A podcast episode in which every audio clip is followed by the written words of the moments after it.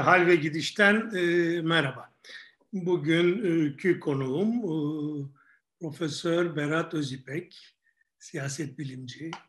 E, konumuz ise e, kendisinin e, özellikle son dönemde e, çalışmalarını yoğunlaştırdığı ve tabii e, hem Türkiye için hem e, belki dünyadaki siyasi gelişmelerinde kilit noktasını oluşturan bir konuyla ilgili.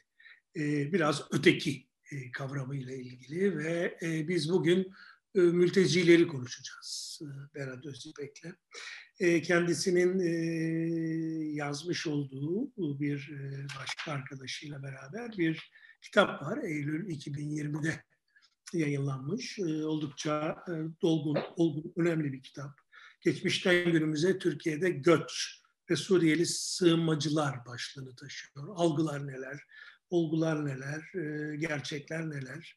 E, bildiğim kadar biraz önce konuşmamızdan öğrendiğim kendisi hem bu konuda çalışmaya devam ediyor. E, daha yayınlanmamış, yayınlanmak üzere demlenen makaleleri var bu konuda. Bazı siyasi partilerin bu konudaki tavrıyla ilgili. Onunla ilgili de biraz konuşma fırsatımız olur sanırım. Bir de bir çevre kurmuşlar diyelim. Yani e, bir WhatsApp grubu içinde farklı değişik insanların olduğu e, ve sığınmacılara gerektiği durumda e, yardım eden, el uzatan bir çerçeve bu. Biraz önce kendisi anlatacak tabii. Bana biz Berat'ı muhafazakarlık çalışmalarıyla biliriz. Öyle tabii doktora tezini öyle yaptı e, muhafazakarlık çok kullanılan ama pek de ne olduğu tanımlanmayan bir şeydir. Çok güzel kitaplar yazdı. En son küçük bir kitabı da çıktı. Ben de onu derslerimde ideoloji anlatırken çok sık kullanıyordum. E, ama son dönemde bana en anlamlı gelen şeylerden biri bu. Bu dedi. Biraz biraz sonra bize niye anlamlı geldiğini anlatır ama ben lafı çok uzatmadan iki kelime bir şey söylemek istiyorum. Tabii mülteciler meselesi dediğimiz zaman Suriyelileri düşünüyoruz. Elbette en önemli kalem, en önemli ayak o. Ee, yani asıl olgu olarak sadece Türkiye'de değil dünyanın birçok yerinde e, mevcut toplumsal siyasi sistemlerin kabarcığı, daha doğrusu onların karışmasının, onların bir tür e, katmanlarının okunmasının bir aracı, bir vesilesi olmaya başladılar. İslamofobiden başlayın, ayrımcılığa kadar gidin. Suriyeli mültecilerin üretmiş olduğu e, milliyetçi, faşizan, popülist eğilimler ve bunların siyasi partileri güçlendirmesi evrensel bir hadise. Yani bunu Trump Amerika'sında da görüyorsunuz, Urban Macaristan'ında da görüyorsunuz. Ee, bizde durum biraz daha farklı. Ee, bizde de bu tür duygular, e, yani ayrımcılığı pompalayan bir tür popülist dile yakın duygular yok mu? Çok var. Ee, onları e, zaten Berat e, çok özel olarak incelemiş. Dolayısıyla böyle bir çerçevede konuşacağız. Tabii özellikle Suriyeli sığınmacıları konuşacağız. Bu çerçevenin dış kabuğu için Berat'a ilk sorumu sorayım.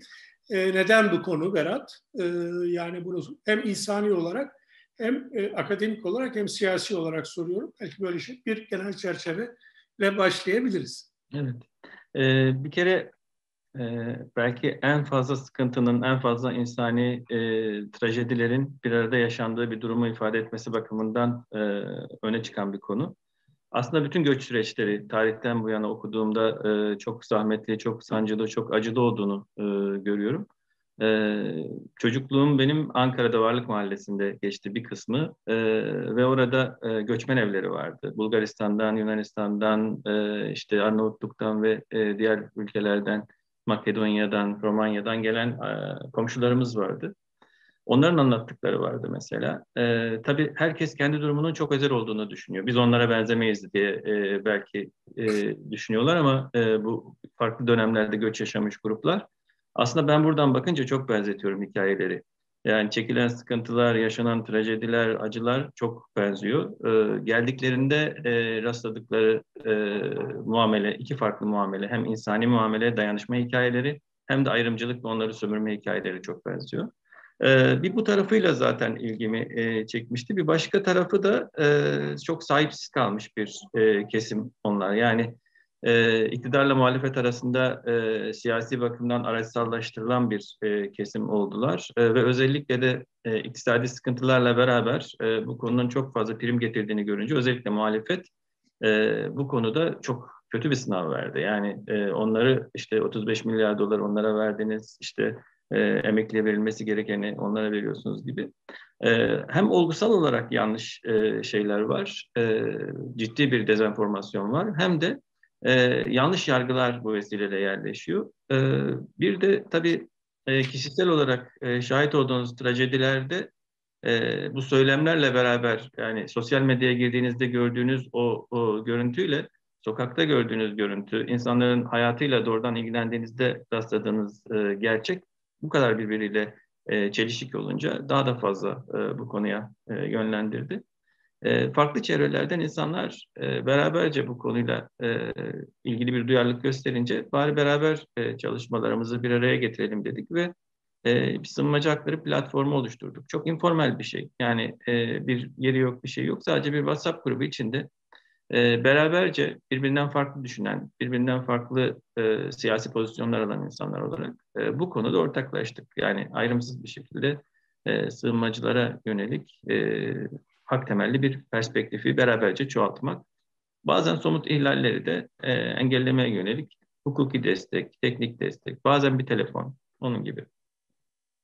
Evet, şimdi kitaba istersen e, dönelim. Çünkü bu geçmişten günümüze Türkiye'de göç ve Suriyeli sığınmacılar başlığını taşıyan algılar, olgular, gerçekler başlığında önemli bir saha da var içinde. Yani insanlarla konuşmalar var, bir tablo yansıtıyorsunuz ve doğrular yanlışlar üstüne bir dizi soru da soruyorsunuz. Yani ortalama Türkiye'deki e, insanın e, daha e, bu ayrımcı dilden etkilenen insanların sormuş olduğu Suriyelilerin açtığı zararlar, ya da yaralar üstüne de e, bir e, algılarla ilgili sorularınız ve cevaplarınız var. Şunu görüyorum ben e, Berat yanlış anlamıyorsam. Şimdi üç büyük kalem var. Bir tanesi mültecilerin varlığı ve mevcut durumları tabii. İkincisi bu durum karşısında toplumsal algı. Bu toplumsal algı yanlış bilgi ve dezenformasyonun da içinde olduğu, muhalif partilerin de bunu beslediği bir toplumsal algı var. Bu ne ve bunun anlamı ne? İkinci kalem belki bu. Üçüncü kalem tabii bu duruma yönelik politikalar. Bu duruma yönelik düzenlemeler kalemi var. Şöyle bir soruyla başlayayım mı? Bunu çok uzun uzun cevaplaman gerekmez ama ben önemli olduğunu sanıyorum. E, biz bir emperyal gelenekten geliyoruz. E, ve emperyal geleneğin toplumsal tortularına sahibiz. Göçmen bir ülkeyiz aslında. E, değil mi? Pek çoğumuz e, şuradan buradan geldik. E, hala da gelmeye devam ediyoruz. E, Türkiye'nin, Türkiye Cumhuriyeti'nin sosyolojik dokusu itibariyle mültecilerle ilişkisi sorunlu bir ilişki miydi? Nasıl bir ilişkiydi? Nasıl bir gelenek vardı? E, belki bugün Suriyelilerle bunu karşılaştırmak için böyle küçük bir zeminden yola çıkabilir miyiz? Aslında e, bu bir zaruret belki hem e, çok bilinen bir şeyle coğrafya bir e, aslında kaderi de ifade ediyor gerçekten. Sadece Türkiye için değil, özellikle travmatik olayların, siyasi kopuşların, savaşların, iç savaşların yaşandığı yerlerde hemen yanı başındaki ülke ister zengin olsun ister fakir olsun ciddi anlamda büyük bir e, insan nüfusuyla karşı karşıya kalabiliyor. Ya sınıra e, asker koyup kurşuna dizeceksiniz ya da e, engellemeye çalışacaksınız ki bu da çok e, hem insani bakımdan e, çok yanlış hem de e, pratik olarak da fayda vermeyen de bir şey. E, ya da e, alıp onlara e, asgari insani güvenceyi sağlamaya çalışacaksınız. Şimdi Osmanlı e, öncesi de var. Türkiye e, böyle bir tarihe sahip. Yani 1492'de Musevilerin gelmesinden çok daha eskiye gidiyor e, Anadolu'nun göç hikayesi.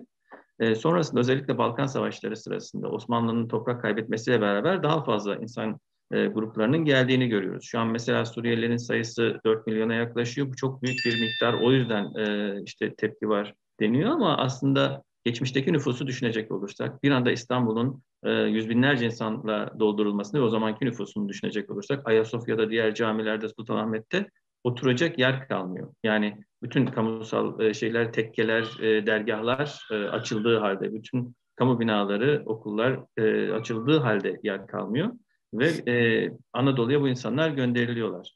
E, o dönemde e, tepki yoktu, şimdi vardı demek de yanlış. O dönemde de tepki vardı. Yani mesela e, şimdi Balkan ve Kafkas muhacirleri geldiği zaman e, bazı insanlar ellerinde ekmekle suyla onlara destek olmaya giderken bazı yerlerden de Babali'ye telgraflar çekiliyor. Bunları buraya istemiyoruz diye. Mesela Tokat'ın Müslüman ve Hristiyan ahalisinin temsilcileri beraberce Türklerden ve Ermenilerden oluşan bir grup e, Babali'ye telgraf çekiyor ki buraya muhacir göndermeyin. istemiyoruz diye. Ama aynı anda çok muhtemeldir ki Tokat'ta başkaları da onlarla dayanışma faaliyetinde bulunuyor. E, şeyde Adana'da Ermenilerden e, bir e, talep var. Buraya e, işte Çerkezlerin gelmesini e, istemediklerine dair. E, başka yerlerde de var. E, gelenlerin bazı sosyolojik özelliklerinden dolayı özellikle Kafkas halklarından e, bazı sıkıntıların da olması söz konusu olabiliyor. E, ama e, dikkat ettim ben. Orada yönetimin tavrı e, şu yani bu insanlar çok büyük acılar çektiler. E, bunları e, sulhle çözmeye çalışalım. E, olayları şey yapmaya çalışın. Hatta devletin imkanlarının yetmediği yerde e, örneğin Balkan muhacirleri e, Halep'e ya da e, diğer Arap şehirlerine yerleştirildiklerinde de geçici bir e, iskan o yıl e, o insanların bakımı o yörenin halkına veriliyor. Yani o insanların e, onların geçimini sağlaması isteniyor Lübnan'da mesela. E, ve bunları gördüğünüz zaman e, şeyi de fark ediyorsunuz. Yani bu günlerin aramızda nasıl böyle dönüp durduğunu e, bir vakitler e, işte Yunanlıların işte e, şeyde Kudüs'te, Lübnan'da, Mısır'da e, olurken şimdi Arapların Yunanistan'da e, bulunmasını. O yüzden de e, bir böyle bir problem var. Yani geçmişten beri iyi ve kötü davranışlar, tavırlar bir arada olmuş.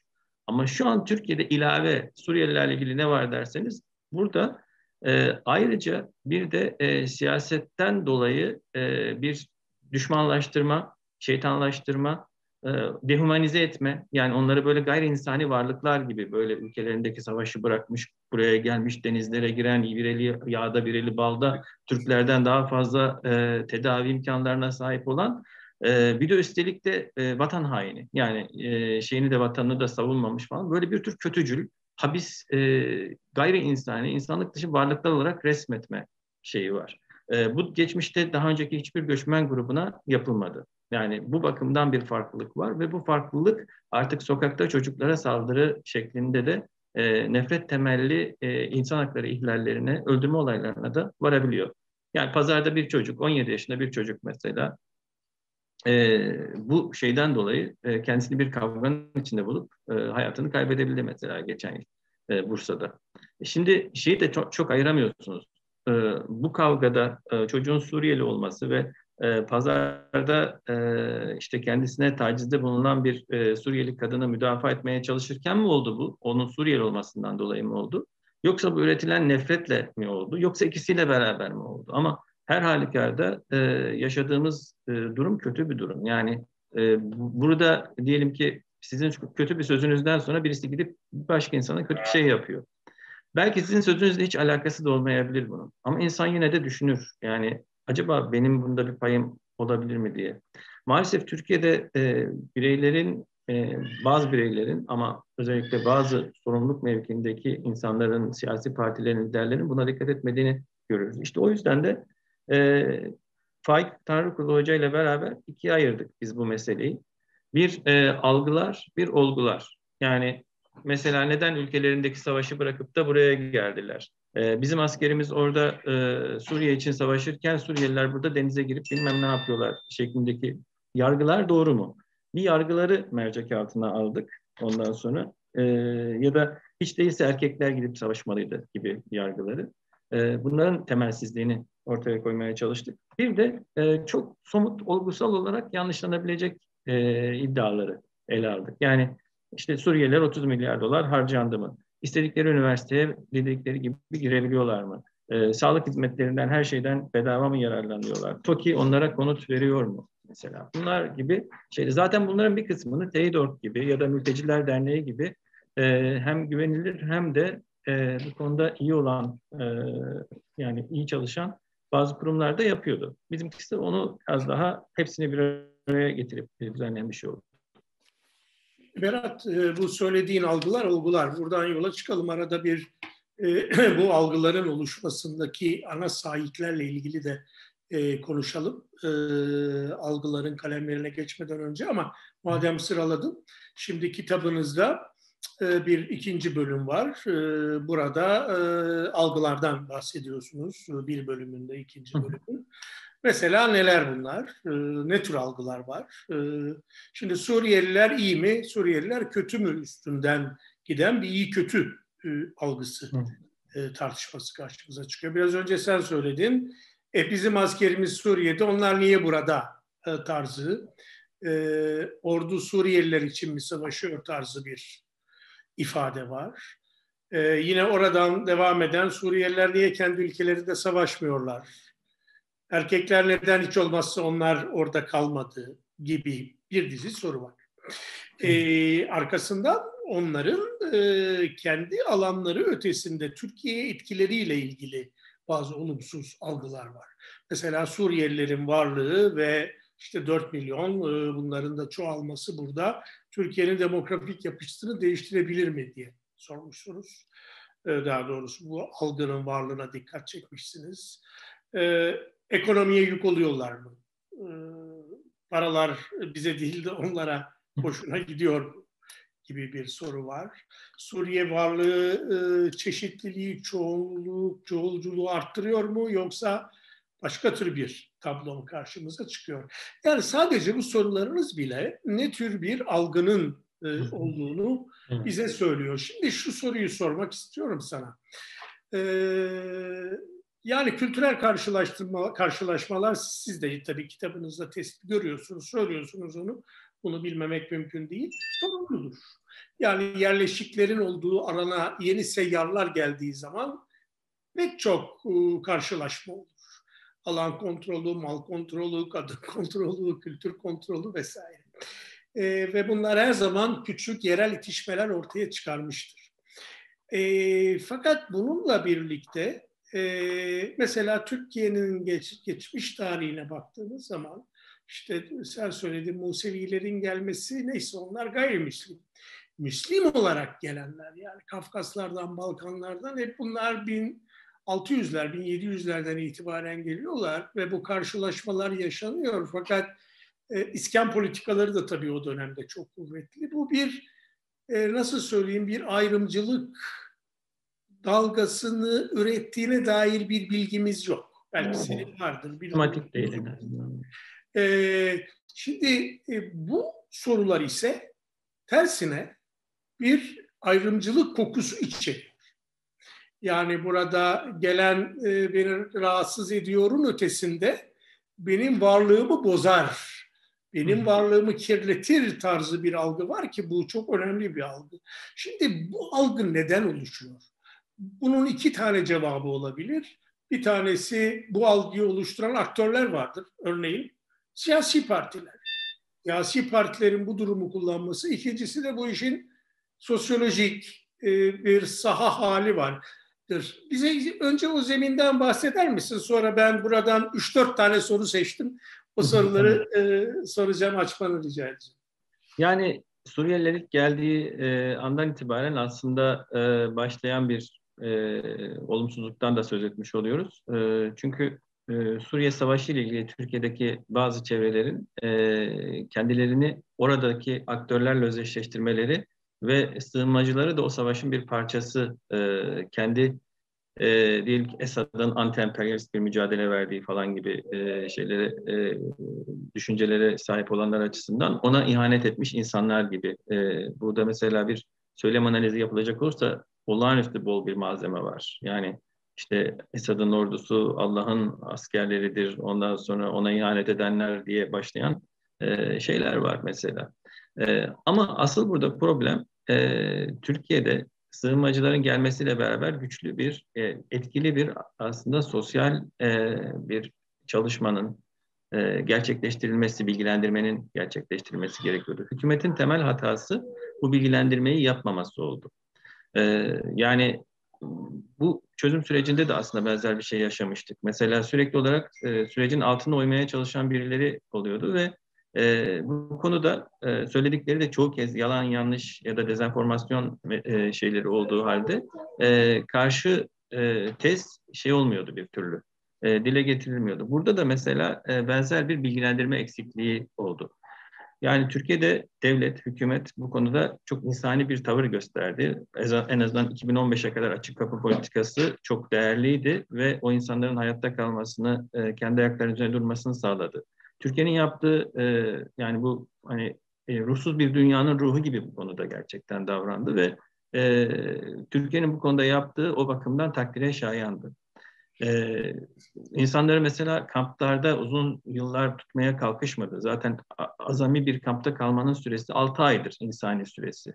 Yani 7 yıl boyunca, 10 yıl boyunca insanları kampta tutamazsınız. Tam tersine zaten tutmanın iktisadi bakımdan da, e, ahlaki bakımdan da e, anlamsız yanlış olduğu e, bilinir.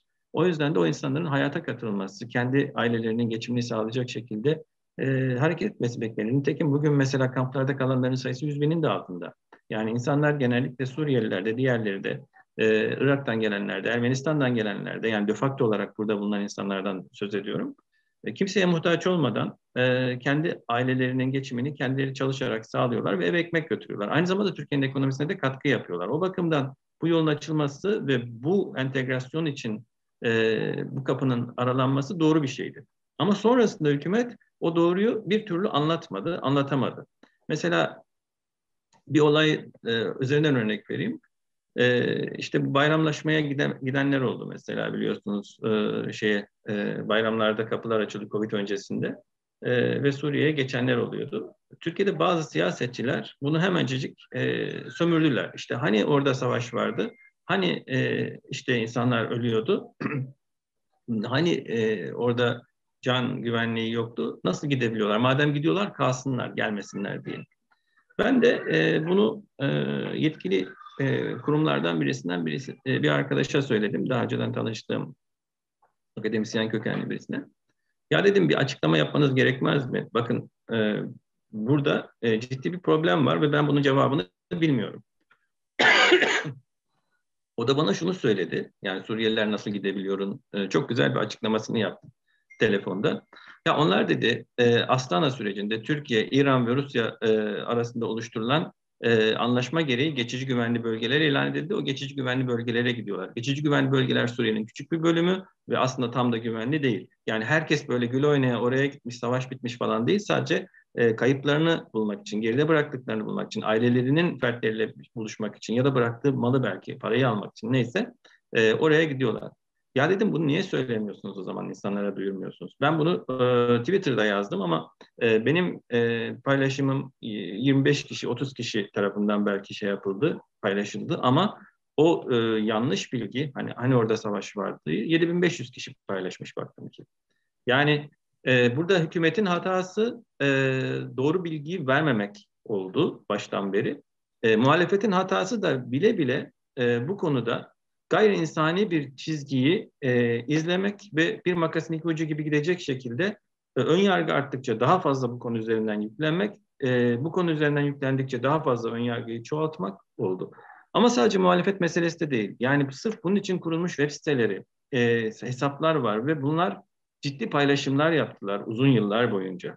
Yani e, haberi alıyor, kolajlıyor, bilmem e, resimleri alıyor, filmi başka yerden buluyor, e, senaryolaştırıyor. Suriyeli bir bakan dedi ki Türkiye'de çoğalacağız, biz daha fazla olacağız. Bunlar zaten bu Türkler şöyledir falan diyor. Ne öyle bir Suriyeli bakan var, ne bir e, şey var. Ama tip, imaj böyle itici, her şey çok iyi düşünülmüş. Yani bu kadarı istihbarat örgütlerini ya da başka büyük şeyleri akla getiriyor. Hani komplo teorileriyle falan bakan birisi değilim ama bu 3-5 tane e, ayrımcı, ırkçı, ergen gencin yapacağı şeyler değil. Ve bunlara karşı ciddi bir cevap üretilmedi yıllar içinde. Yani buraya beraberce adım adım geldik bu noktaya. Evet tabii aklıma hemen bir e, şeytanın avukatlığını yapmak geliyor. E, tabii e, ülkede e, en azından ekonomik ve sosyal politikalar açısından bazı eksiklikler olduğu zaman, örneğin yüksek bir işsizlik oranı, Bunlar sadece siyasicilerin, siyasilerin konuşları istatistikler değil, insani haller, e, eğitim sorunları olduğu zaman insanların huzursuzluklarının da belki arttığını e, vesile aradıklarını e, söylemekte e, fayda var. Yani bu doğrudan iktidarın sorumluluğu mu? Mülteciler konusunda değil ama diğer taraftan tabii böyle bir yere de e, göndermesi olduğunu düşünüyorum değil mi?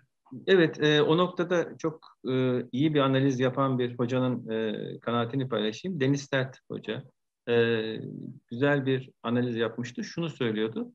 Ee, uzun zaman Türkiye'de sığınmacılarla ilgili dezenformasyon yapıldı. İşte bunlar sizin ekmeğinizi yiyor, ağzınızdan ekmeğinizi alıyorlar ya da hükümet sizin ağzınızdan ekmeği alıp onların ağzına koyuyor falan gibi. Ee, ama bu pro, pro, propagandalarla ilgili e, onun analizi şuydu. Uzun zaman bunlar oy davranışını etkilemedi dedi. Yani e, insanlar duyuyorlar. Bunlar uzun zaman oy davranışını etkilemedi. Yani ee, insanlar duyuyorlar, belki etkileniyorlardı ama oy davranışını etkilemedi. Ne zaman etkiler diye sordu ee, ve şunu söyledi. Eğer insanların sosyal e, yardımlardan, sosyal harcamalardan, e, devletin verdiği, onlara sağladığı güvencelerden yararlanma oranlarında bir düşüş olursa ancak o zaman faturayı onlara keserler demişti. E, bunlarda da bir düşüş olmadığı için uzunca bir zaman e, bu böyle bir e, yansıma olmadı. Mesela işte Kilis'te insanlar e, şöyle yapıyor, insanlar çok büyük tepki gösteriyor dendik e, denen yerlerde mesela bu oy davranışına öyle yansımadı aslında. E, ama eğer iktisadi sıkıntılar derinleşerek devam edecek olursa e, ve eğer e, sosyal yardımlardan devletin e, iktisadi ve sosyal güvencelerinden bir eksilme olursa bireylerin hayatı üzerinde bu hissedilir bir şekilde yani doktora gittiği zaman ya da başka şeylerde o zaman faturanın azınlıklara, kırılgan gruplara kesilmesi daha kolay oluyor. Kesin ama yani yine de e, bozuk bir e, zeminde oynadığınız zaman tabii. Tabii, tabii. sakatlanmanız daha çok mümkün. E, tabii. Algılar seçmen davranışını e, belirlemese bile bir yerde bir katman e, ne yazık ki oluşturuyorlar. İstersen buradan gidelim. Şimdi tamam. olgulara doğru gidelim. İşte, soralım mesela Suriyelilere hakikaten sormuşsunuz siz ben sana soruyorum sorduğunuz ve cevapladığınız soruyu. E, Suriyelilere 30 milyar harcandı. Harcanmadı. Yani öyle söyleyeyim ya da şöyle söyleyeyim hem evet hem hayır. E, bu hesabı nasıl yaptığınızla da doğrudan alakalı. E, yani e, mesela diyelim ki e, OECD'nin, Birleşmiş Milletler'in e, bir çocuğun işte e, bir yıllık eğitim harcaması diyelim ilkokula giden bir çocuğun harcaması ile ilgili bilmem kaç dolar, e, 1500 dolar, 3000 dolar neyse e, hesaplamaları var. O hesaplamalar üzerinden Türkiye'deki Suriyelilerin maliyeti hesaplanmaya çalışılıyor ve e, ortaya da devasa bir rakam çıkıyor. Ama benim konuştuğum insanlar, eğitimle ilgili uzmanlar şunu söylüyorlar. Bu miktar zaten Türkiye'li çocuklara da e, sağlanmıyor. Yani yılda bir, şu kadar büyük bir e, miktar dolar. Dolayısıyla da e, o rakamlarla yani muhtemelen bu kadar harcanmıştır şeklindeki rakamlarla hesap edince hesap fazla çıkıyor. İkincisi e, şuradan kaynaklanıyor. E, bir ülkeye o sığınmacının girdiği andan itibaren onun hayatını kolaylaştıran, onun e, ekmeğinden, suyundan, e, güvenlik hakkından hepsinden birden e, yararlanmasını sağlayan total bir hesap çıkarılıyor. Burada da esas olarak sivil toplumun, gönüllü faaliyetlerin çok büyük bir payı oluyor. Ve e, dolayısıyla da o da onun içine girmiş oluyor, o maliyetin içine girmiş oluyor. Ama burada da problem şu, e, siz böyle yaptığınız zaman, hesabı böyle yaptığınız zaman sanki bu parayı hepsini devlet vermiş gibi bir görüntü ortaya çıkıyor ve e, o zaman da insanlar soruyorlar, sahiden 35 milyar, 40 milyar dolar verildi mi e, diye. E, hesapları alt alta koyunca, e, toplayınca sağlıkta şu kadar, eğitimde şu kadar falan yıllar içinde e, çıkmadığını görüyorsunuz. Hani şu Nasrettin Hoca'nın kediyi tartma hikayesindeki gibi. Ee, yani yok işte e, o belli ki şey olmuş. Sonuçta bazı açıklamalar getirildi yetkililer tarafından da. Bu uluslararası hesaplama yöntemlerinden kaynaklanıyor. Esas olarak burada sivil toplumun e, gönüllü faaliyetlerinin çok büyük bir yekün tutması söz konusu. Bunun muhasebeleştirilmiş şeklidir diye. Bunun muhasebeleştirilmesinin e, doğruluğunu yanlışlığını tartışmıyorum ama sonuçta bu böyle muhasebeleştirildiği zaman ortaya çıkan rakam e, Sağlık Bakanlığı'nın, işte Milli Eğitim Bakanlığı'nın harcadığından fazla bir şey, çok daha fazla bir şey. Batı'nın da verdiğinden daha fazla bir şey ortaya çıkıyor.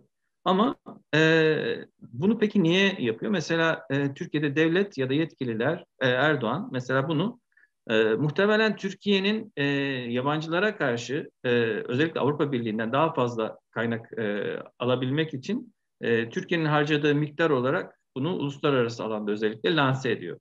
E, biz bunları harcadık. Yani bu kadar harcama yapıldı. Sizin e, ucundan tuttuğunuz kısım çok küçük demek için. Ama bunun içerideki maliyeti de e, özellikle iktisadi bakımdan sıkıntılar e, arttığında e, sosyal harcamalarda düşük düşüm, düşme olmasa bile yani ya da o işte Deniz Sert'in söylediği gibi bir e, şey anlamlı bir farklılık olmasa bile bazı insanlar tarafından e, ya demek ki bize gelmeyen onlara gidiyormuş şeklinde bir o burada zaten bir sorunuz var. Diyorsun diyorsunuz ki Suriyelilerin gelişiyle devletin e, Türkiye vatandaşlarına harcadığı, yaptığı sosyal yardımlar azaldı? Veya buna bir başka soru daha ilave ederiz. Burada harcanan paralar acaba buradaki hizmetlerden e, bir ya da e, yatırımlardan bir eksilmeye yol açtı mı? Bununla ilgili gözleminiz Yok yani mesela yıllar içinde bu e, harcamalarda düzenli bir artış devam ediyor. Yani e, bir azalma söz konusu değil. E, hatta e, bu konuda yapılan bazı çalışmalar e, yani çok böyle gözle görünür e, olmasa bile e, Suriyelilerin iktisadi hayata kattıklarıyla beraber yani daha ikame edici bir e, işlev görerek kattıklarıyla beraber düşünüldüğünde e, buradaki iktisadi şartların da iyileşmesine katkıda bulundukları şey. Ne tür bir şey katıyorlar Berat? İktisadi ee, şöyle söyleyeyim. e, bir e, gözlemcinin söylediği bir şey vardı. E, oturmadığımız evlerde oturuyorlar, kullanmadığımız eşyaları kullanıyorlar ve çalışmak istemediğimiz işlerde çalışıyorlar diye. Yani bu anlamda Suriyeliler, e, Türkiye'lilerin e, işlerini ele geçirmekten ziyade Mesela kağıt toplayıcılarının kompozisyonunu düşünün İstanbul'da. Almanya'nın ee, eski Türkleri gibi mi yani? Evet, evet. Yani e, şeyin Balat'ın hikayesi vardı. Bu e, iki akademisyenin kullandığı kavram nöbetleşe yoksulluk diye. Hani bir zamanlar e, Yahudiler, ardından e, Romanlar, 90'larda köyleri yakılan Kürtler, ondan sonra şimdi Suriyeliler. Yani orta sınıflaştıkça başkaları başka yerlere giderken onların yapmadığı işleri başkaları yapıyorlar. Hatırlayın bundan 20 yıl önce fındık toplamaya e, Kürtler giderdi Güneydoğu'dan. E, şimdi Gürcistan'dan insanlar geliyorlar. Ermenistan'dan ya da e, Suriyeliler gidiyorlar. E, kağıt toplayanları da e, Türkiye'lileri kovdukları için değil. Artık onlar o işi yapmak istemedikleri için ötekiler yapıyorlar. E, ve mesela çok duymuşsunuzdur e, eğer onlar olmasaydı ürünler tarlada kalacaktı diye. E, şimdi bir de şöyle bir şey var. İktisadi bakımdan iki farklı yaklaşım var. Onun da belki üzerinde durmak lazım. Birisi statik bir iktisat anlayışıyla bakanlar. Onlar ekonomiyi sabit bir pasta gibi görüyorlar ve yeni gelenlerle beraber bir dilim kesilip onlara veriliyor. Bizim pastamız azaldı gibi bakıyorlar. Oysa ekonomiyi dinamik bir süreç olarak görenler açısından e, gelenler hem üretici hem tüketici hem de pastayı büyütücü e, bir işlev görüyorlar. Dolayısıyla da pasta oransal olarak da aynı zamanda büyümüş oluyor. Ee, Amerika'da bu baby boom dönemi vardır mesela aniden çok çocuk yapıldığı dönem e, hayata çok fazla insanın birden girdiği dönem. E, bu dönemle beraber ya da büyük göç e, hadiselerinde e, iktisadi bakımdan bir e, gerileme olacağı e, öngörüleri boşa çıkmış. E, çıkmasının sebebi işte bu ekonominin dinamik doğası. Onlar gelenler pastayı daha da büyütüyorlar. Yani tüketici pasif bir şekilde kampta oturup da ondan alıp da yemiyor. Dolayısıyla da bunların mesela daha gösterilebilir hale gelmesi, ekonometrik verilerle desteklenmesi önemli. Standard Poor's bir açıklama yapıyor. Suriyelilerin varlığı Türkiye'deki iktisadi büyümeyi kamçılıyor diye. Ne kadar bu şey? Çok devasa değil diyor belki ama pozitif. Yani e, bu konuda mesela e, sığınmacılardan bireysel olarak ya da insani olarak pek hoşlanmayan bazı iktisatçılarla da konuştuğumda evet yani son tahlilde pozitif gibi e, ağızlarından biraz belki... Birazından negatif değil. Yani değil. burada tabii çok önemli bir şey söylüyorsun. Bu ön yargıları e, insanların tabii biraz kulaktan dolma e, iktisat bilgisi bizi senin söylediğin pasta yaklaşımına daha kolay götürüyor. Dinamik e, etkileşimlerle üreyen o e, milli gelir ya da e, bu nüfusla ilgili de bir şey sormuştunuz. Demografik yapıyla ilgili. Onu unuttum mu? Ekleyebilir miyim? Yok, ona geleceğim. Ona geleceğim. Ona gel gelmeden önce buradan devam edelim. Şimdi bu bir de işin sosyal politikalar kısmı var. Devletle ilgili eleştiriler. Surlular mesela bir iki tane sorayım arka arkaya bunlar beraber.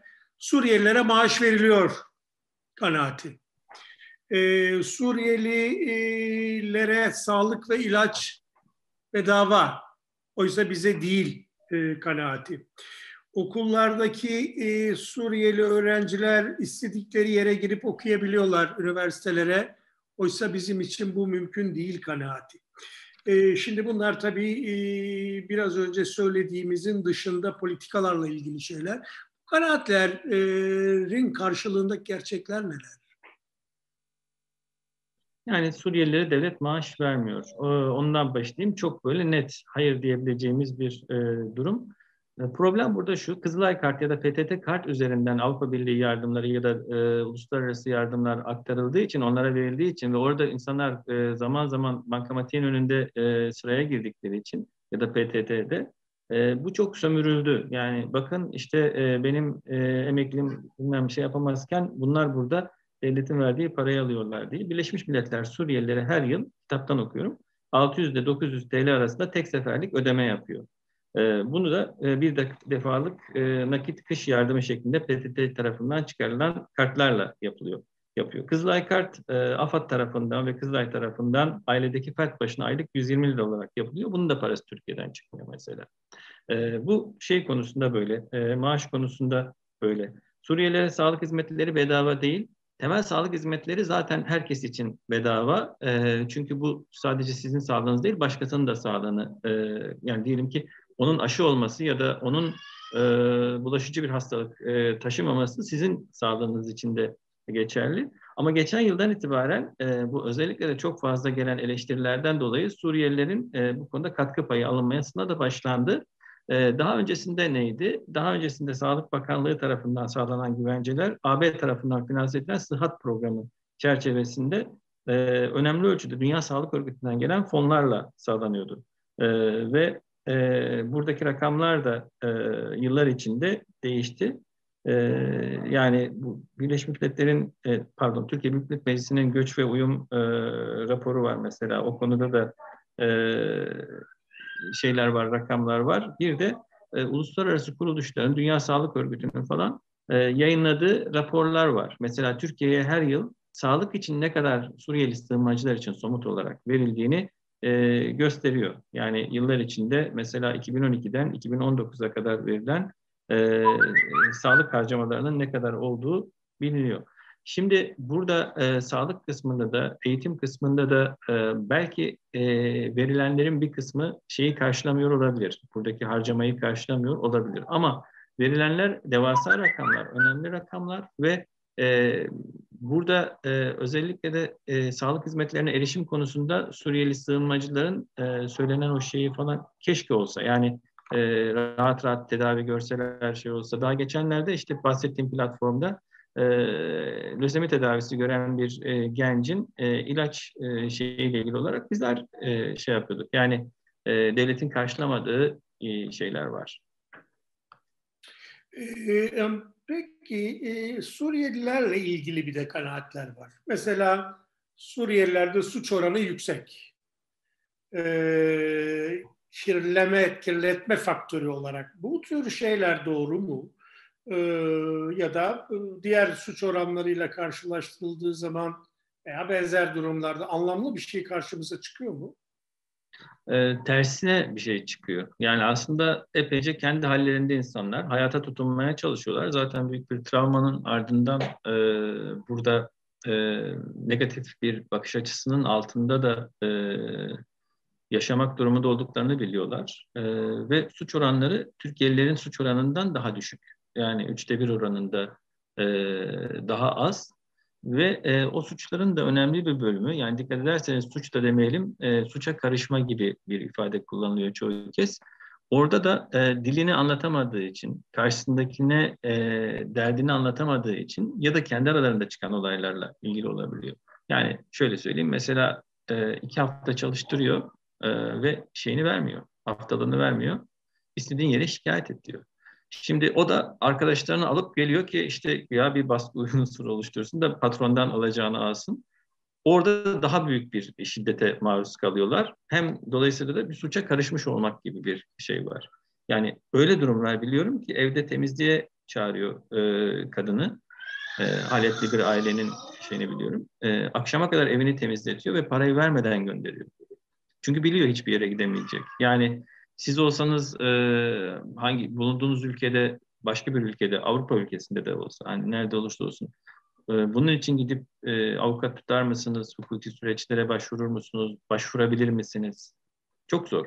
Yani dolayısıyla da e, bazen kendi hakkını almaya çalışmasından da kaynaklanabiliyor. Avrupa'da da mesela Türklerle ilgili öyle bir yargı var. Türkler çok suç işliyor diye. Oysa rakamlar çok net o konuda da. Türkiye'deki Suriyelilerinkisi gibi net. Yani Almanya'da Türkler çok suç işlemiyor. Ee, Doğu, Blok, Doğu Avrupa ülkelerinden gelen e, ve Avrupa Birliği vatandaşı olan insanlarla kıyaslandığında da daha az suç işliyorlar. Ama Türklerin işledikleri suç daha çok göze batıyor. Bu biraz e, algıyla ilgili. Algıyla. O Fransa'da Araplar için vardı bir zamanlar. E, hala var muhtemelen. E, peki şöyle bir şey sorayım. E, Suriyelilerin oluşturduğu topluluklara baktığımız zaman bunlar e, bir arada yaşaması, e, yani mekansal olarak da, kültürel olarak da e, söz konusu mu? Bu bir içe kapanma mı e, üretiyor? Biraz önce söylediğin haller ne tür bir karşı öfke dalgası yaratabiliyor? Kimlik ve entegrasyon mekanizmaları nasıl Böyle bir bakış bize ne söylüyor? Şöyle, doğal olarak insanlar e, kendi e, memleketlerinin daha fazla yaşadığı yerlerde e, ya da kendilerine kem gözle bakmayan insanların daha çok bulunduğu yerlerde, semtlerde e, yaşama eğilimini taşıyorlar. Şeyi düşünün mesela Türkiye'de köyden kente göçü, gece kondulaşma süreçlerini düşünün mesela. Sivaslılar Sivaslıların olduğu tarafta gece kondu e, toprağa kapatırdı. Başka yerleri e, başka yerlerde e, yaşardı. Tokatlılar gelir işte e, daha çok e, aynı meslekleri yaparlardı. Sivaslılar başka şey. Şimdi burada da öyle bir şey var. Hayatın doğal akışı içinde su çatlağını öyle buluyor. Yani e, gelip orada e, işte diyelim ki bazı yerlerde e, mesela Sultanbeyli'de bir sokak. Çok fazla insanların da itibar etmediği bir sokak. Orada e, dükkan kiralamışlar. Şimdi oraya girdiğiniz zaman mesela işte ya da oradan geçtiğiniz zaman Almanya'da Kreuzberg gibi Türklerin olduğu mesela işte şeylerde dönercilerin şeylerin olduğu. Orada da mesela kaküleli kahve kokusunu duyabiliyorsunuz şeyde Suriyelilerin bulunduğu yerde. Ben mesela Fatih'te geçerken kahveyi severim. Kaküleli kahveyi çok daha fazla severim. O kokuyu Erbil'de aldığım kokuyu ya da Kahire'de aldığım kokuyu almıştım ve çizgi filmlerdeki gibi kokuyu böyle takip ederek gittiğimde küçük bir kahveci dükkanı gördüm. E, çocuklar, iki Suriyeli çocuk beraber e, çekip kahveyi satıyorlardı. Bu benim için mesela güzel bir şey. Bu bakış açısıyla ilgili bir şey. E, Niyazi Mısri'nin bir mısrası var. Gözü kanlanmış olan Nili ve Fırat'ı kan görür diyor. Yani nasıl bakarsanız öyle görüyorsunuz. Benim için bu çeşitlilik, çoğulculuk, zenginlik, e, seçeneklerin artması, müziğin, şeyin, yemeklerin vesaire öbürüne göre kötü bir şey. E, burada yalnız son zamanlarda özellikle ön yargının yükselmesiyle beraber e, özellikle bazı fiziksel e, saldırıların da e, ortaya çıkmasıyla ve bu konularda devletin yeterli koşturmayı yapmaması, yapamaması ya da bu konudaki eksiklikler dolayısıyla ee, mesela bazı dönemlerde akşamları gençlerin dışarıya çıkmadığını, mümkün olduğu kadar evlere kapanmaya kapanmak durumunda kaldıklarını gözlemledik biz. Yani bu kötü bir şey bir ülke için, e, bu ülkede yaşayan insanlar için. Herkesin sokakta rahatlıkla gezebilecek, gezebileceği bir ülke olması gerekiyor. Ama daha da önemli bir tehlike milliyetçilikler, öteki milliyetçiliklerin e, ocağı oluyor. Yani yetiştiği yer oluyor ve e, birisi ötekini yeniden üretiyor. Şimdi Türkiye'de şöyle bir risk var. Bir kayıp nesil riski var. Yani Türkiye fiziksel olarak o insanların ölmemesini sağlayarak çok değerli bir şey yaptı. Açık kapı politikası sınırı açarak ve onların iktisadi bakımdan da toplumla entegre olmasının, geniş toplumla bütünleşmesinin önüne engel koymayarak. Dikkat edin şey yaparak demiyorum hani onlara para vererek bilmem ne yaparak değil. Sadece çalışma haklarını engellemeyerek yani de facto olarak buna göz yumarak ciddi anlamda önemli bir sorunun çözülmesi için çok önemli bir adım attı. Ama şu an ayrımcı yaklaşımları gidermediği için ya da bununla ilgili etkili bir mücadele yapılmadığı için e, okullarda pek çok yerde e, yaşananlar e, onların arasında da özellikle sosyal medyanın yardımıyla aracılığıyla alternatif bir algıyı da beraberinde getiriyor. Falanca yerde şöyle düşünün yani bir haber görüyorsunuz e, WhatsApp grubunda falanca yerde birisine saldırıda bulundu. Bilmem nerede o, okulda öğretmen öğrenciye dedi ki zaten siz Suriyeliler çok oluyorsunuz. Ondan sonra bilmem nerede şu bunlarla sürekli olarak karşı karşıya geldiğinizi düşünün. Ee, yani hiç milliyetçi, ayrımcı bir ön yargınız, e, etnik bir bilinciniz olmasa bile e, bu hayat sizi döve döve o konuda ayrı bir e, kimlik haline getirecek yani. O zaman bir entegrasyon sorunuyla Türkiye, bu tabii doğal da bir şey. E, bu böyle bir kültürel grup, e, dili farklı, geleneği farklı bir grup, bir de entegrasyon sorunlarıyla önünde engellerle karşılaşırsa ileride böyle bir sorun. Dil bu anlamda bir şey ekleyeyim. Ali abi, dil e, engeli problem değil aslında. Yani evet, o dil, anlamda söylemedim ben. Evet. Yani, yani e, birbirleriyle e, yardımlaşmak için, dayanışmak için e, bunu yapanlar dil engeline takılmıyorlar zaten. E, yani, ve Bel kimlik anlamında söylüyorum. Evet, evet.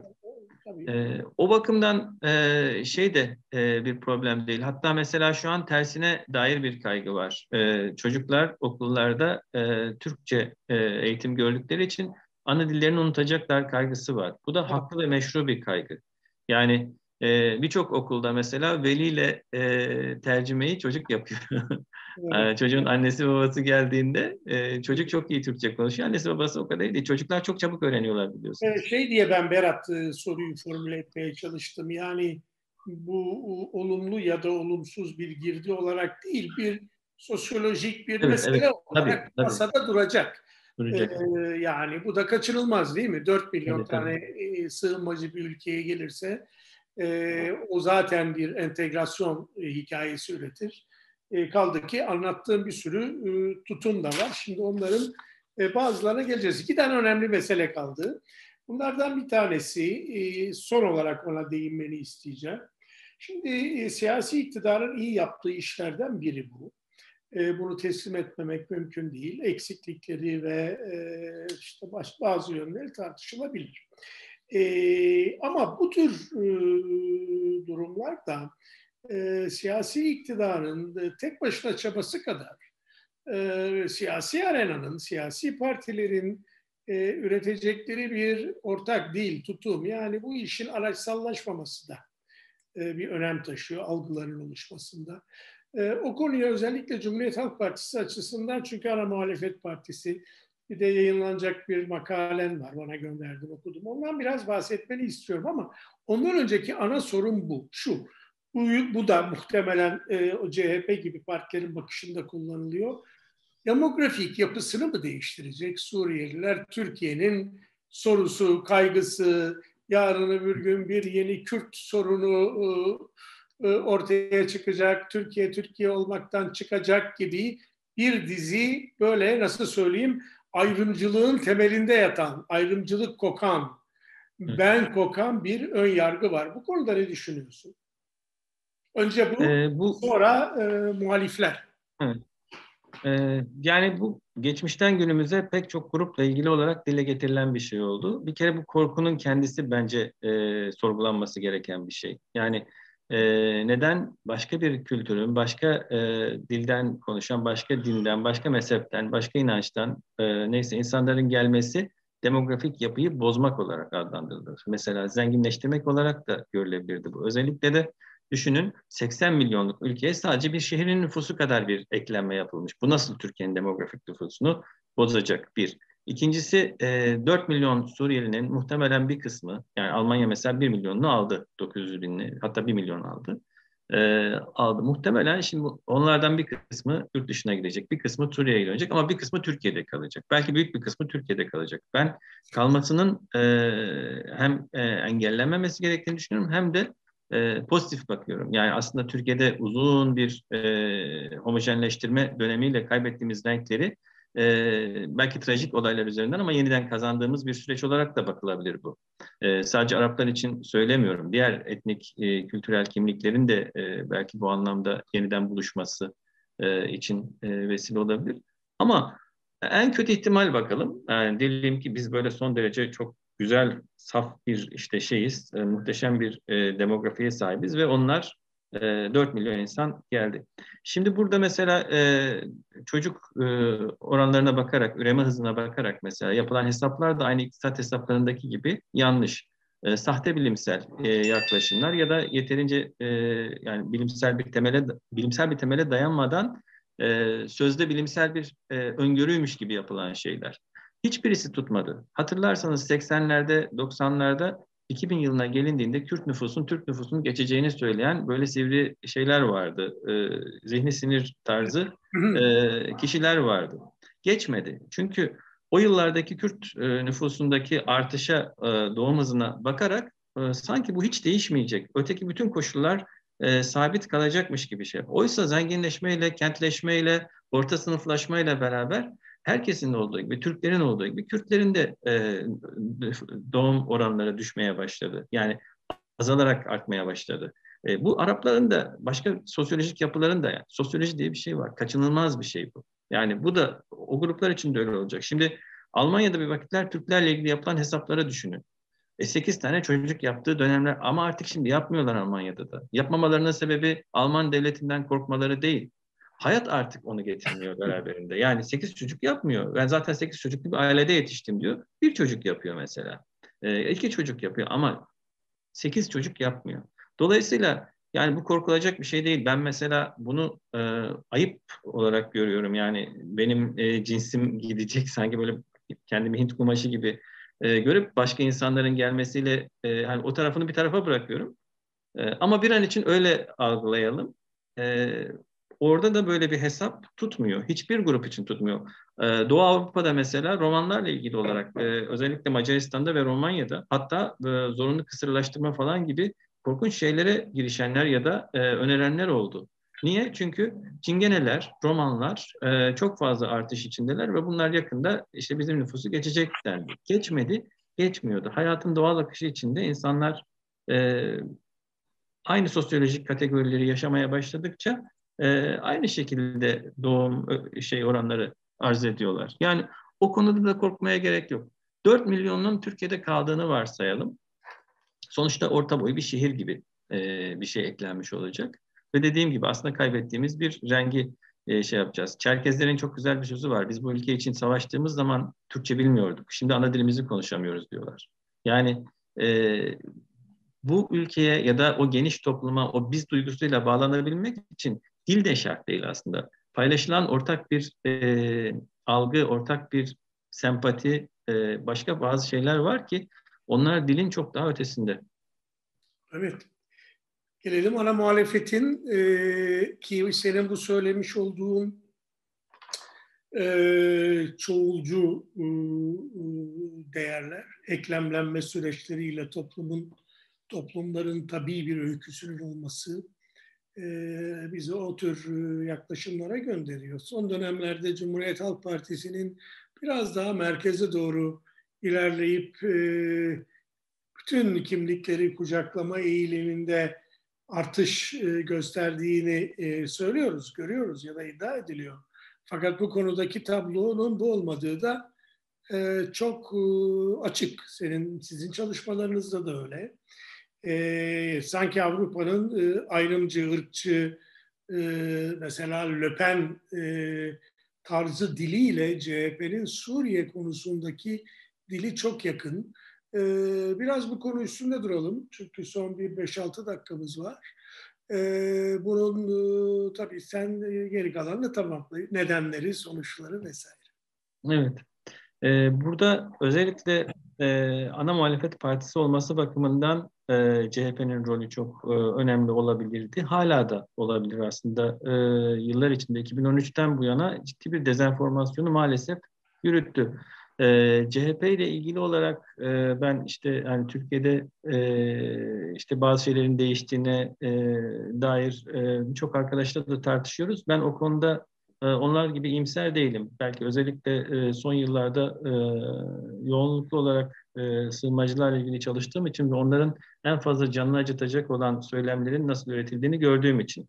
Bu anlamda İyi Parti'den daha belki e, enfekte edici bir dil kullanıyor CHP'ninkisi daha etkili de oluyor. E, çünkü o daha dar bir kesime e, hitap ederken o daha geniş bir kesime e, hitap ediyor ve e, şeyinkisi gibi bazı İyi Parti milletvekillerinkisi gibi daha vulgar kaba bir e, şeyden e, daha farklı, daha sofistike, daha e, yani Suriyeli kardeşlerimiz diye başlayan bir e, ötekileştirme çok daha ötekine göre yani daha hoyratça e, yapılandan daha da etkili de e, denebilir. E, burada e, yani Rosa Luxemburg'un o meşhur sözünü e, söyleyerek başlamak istiyorum. Özgürlük ötekinin özgürlüğü, adalet de öyle.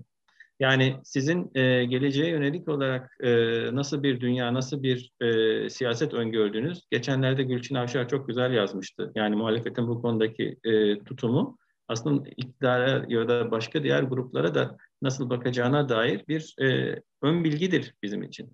E, bu ifadelerle söylememişti ama hani söylemeye çalıştığı ya da e, mesajının e, ana konusu da buydu.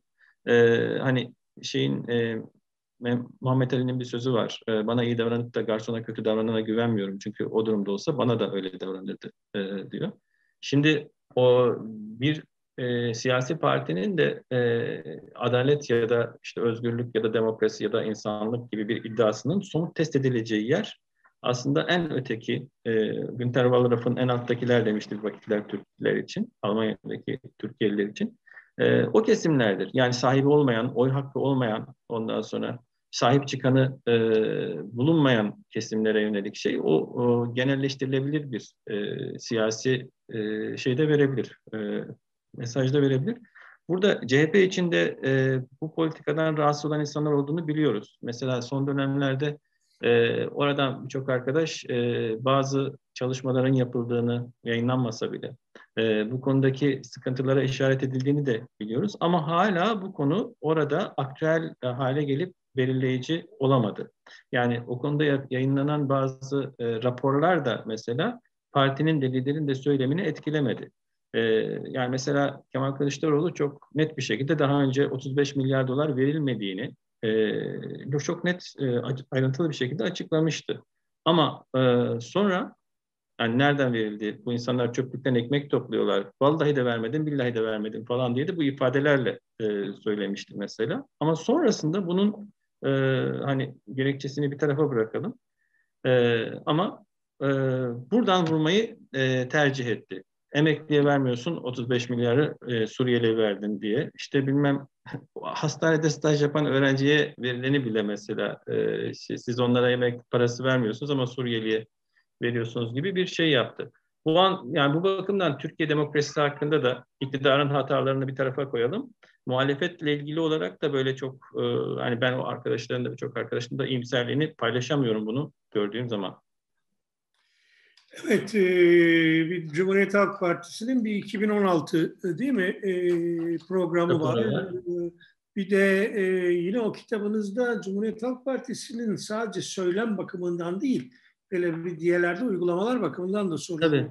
Yani mesela çekçeklerin toplanması, e, bu belediyelerdeki e, şeylerin e, Mezitli'de, başka yerlerde e, işte aşevinin Suriyelilere kapatılması, ondan sonra onlara bir şey verilmeyeceğinin söylenmesi, e, bazı yerlerde mezar yerinin gö- e, verilmediğine ya da e, işte diğer kısıtlamalara dair haberler.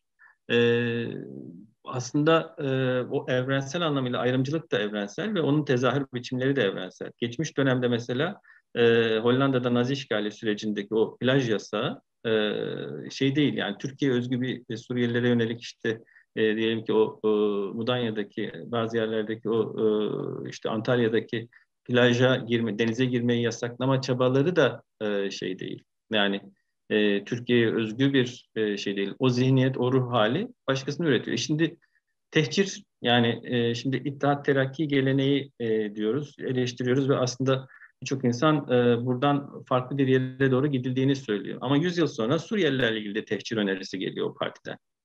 E, o zaman o zihniyetin sürekliliğini de tespit etmek gerekiyor. Bu sadece şey değil yani bakın işte e, siz böylesiniz demek değil ama orada da bundan rahatsız olan insanlar var ve e, bunun e, tespit edilmesi, bir sorunun tespit edilmesi çözümün birinci aşamasını da oluşturuyor. Onu da görebilmek için e, bu tespitleri yapmak gerekiyor. Yani e, bu mu olacak? E, tekrar bunu mu konuşacağız biz? Yoksa e, zaten ciddi bir savaş travması ve savaş sonrası travmayı yaşamış insanların hayata tutunması üzerinden belki biz barışımızı da geliştireceğiz. Yani e, biz aslında Suriyelileri konuşmuyoruz. Suriyeliler üzerinden kendimizi konuşuyoruz. Çok önemli bu söylediğin. E, yaptığınız çalışma çok önemli, duruş çok önemli. E, tebrik ederiz. E, teşekkür, teşekkür ederim. ederim. Ben de programa davet ettiğiniz için. Sizi de epeydir görememiştim. E, çok e, memnun oldum tekrar gördüm. Görüşmüş olduk. Evet. E, çok evet sevgilerimle, takdirlerimle e, programı e, burada kapatıyoruz. Evet efendim önümüzdeki hafta başka bir e, konu ve konukla birlikte olacağız. E, iyi günler diliyorum.